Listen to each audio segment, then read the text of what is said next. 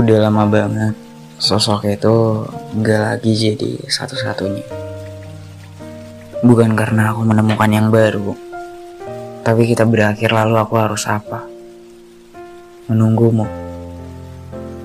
Berharap bahwa kita akan kembali bersama dengan cerita yang sama lagi.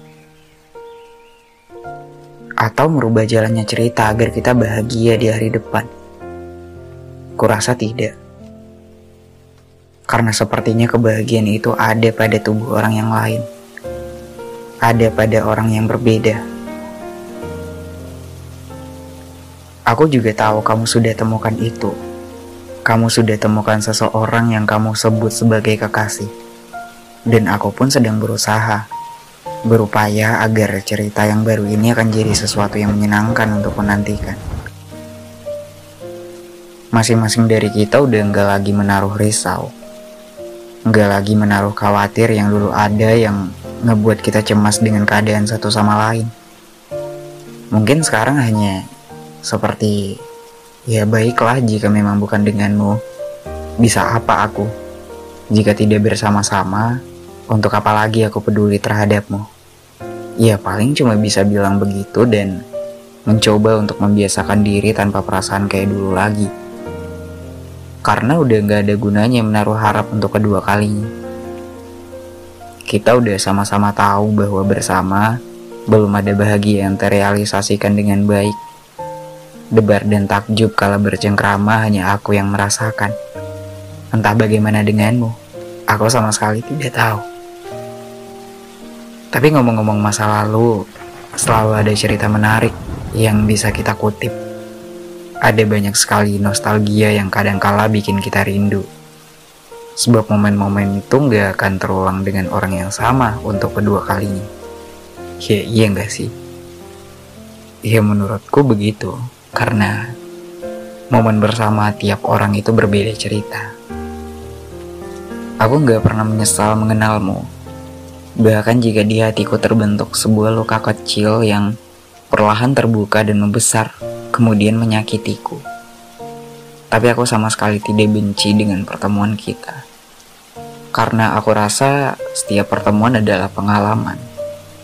Mungkin aku bukan orang yang tepat untuk merasakan nyaman pada tempat yang kamu sediakan sebelumnya.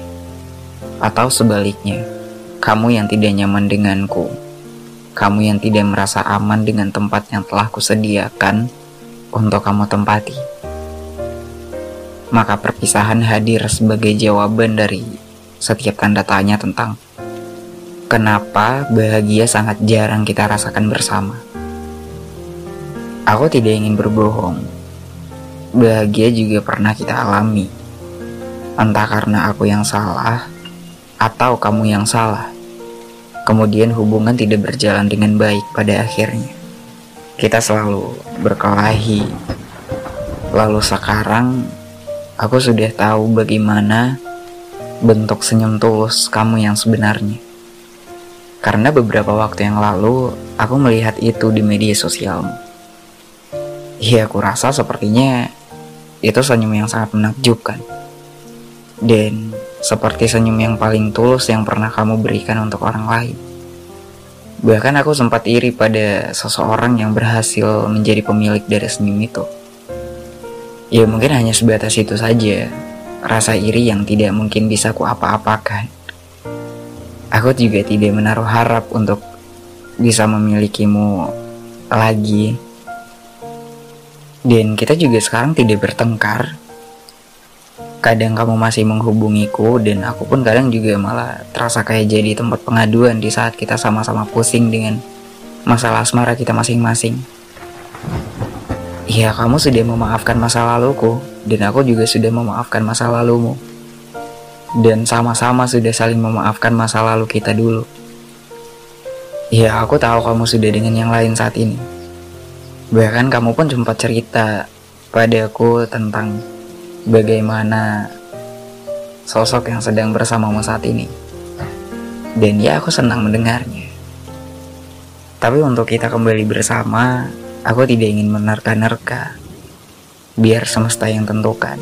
Aku hanya ingin mengikuti alurnya. Jika memang tidak, ya kenapa harus dipaksakan? Untuk saat ini aku tidak pernah berpikir bahwa kita akan sama-sama lagi. Bahkan menurutku itu sangat mustahil. Karena aku sudah jatuh cinta dengan seseorang. Meski saat ini belum ada kejelasan dari perasaan itu. Ya mungkin untuk berpacaran aku tidak terlalu ingin. Karena aku sudah tahu bagaimana merepotkannya hubungan seperti itu. Walau kadang ada rasa iri ketika melihat teman-temanku sudah memiliki pacar. ya untuk saat ini hal itu masih tidak terlalu penting bagiku. Ya aku jatuh cinta pada seseorang, tapi nggak tahu kalau dia sadar atau enggak. Ya mungkin gak sadar dan gak tahu karena emang aku belum pernah katakan langsung padanya.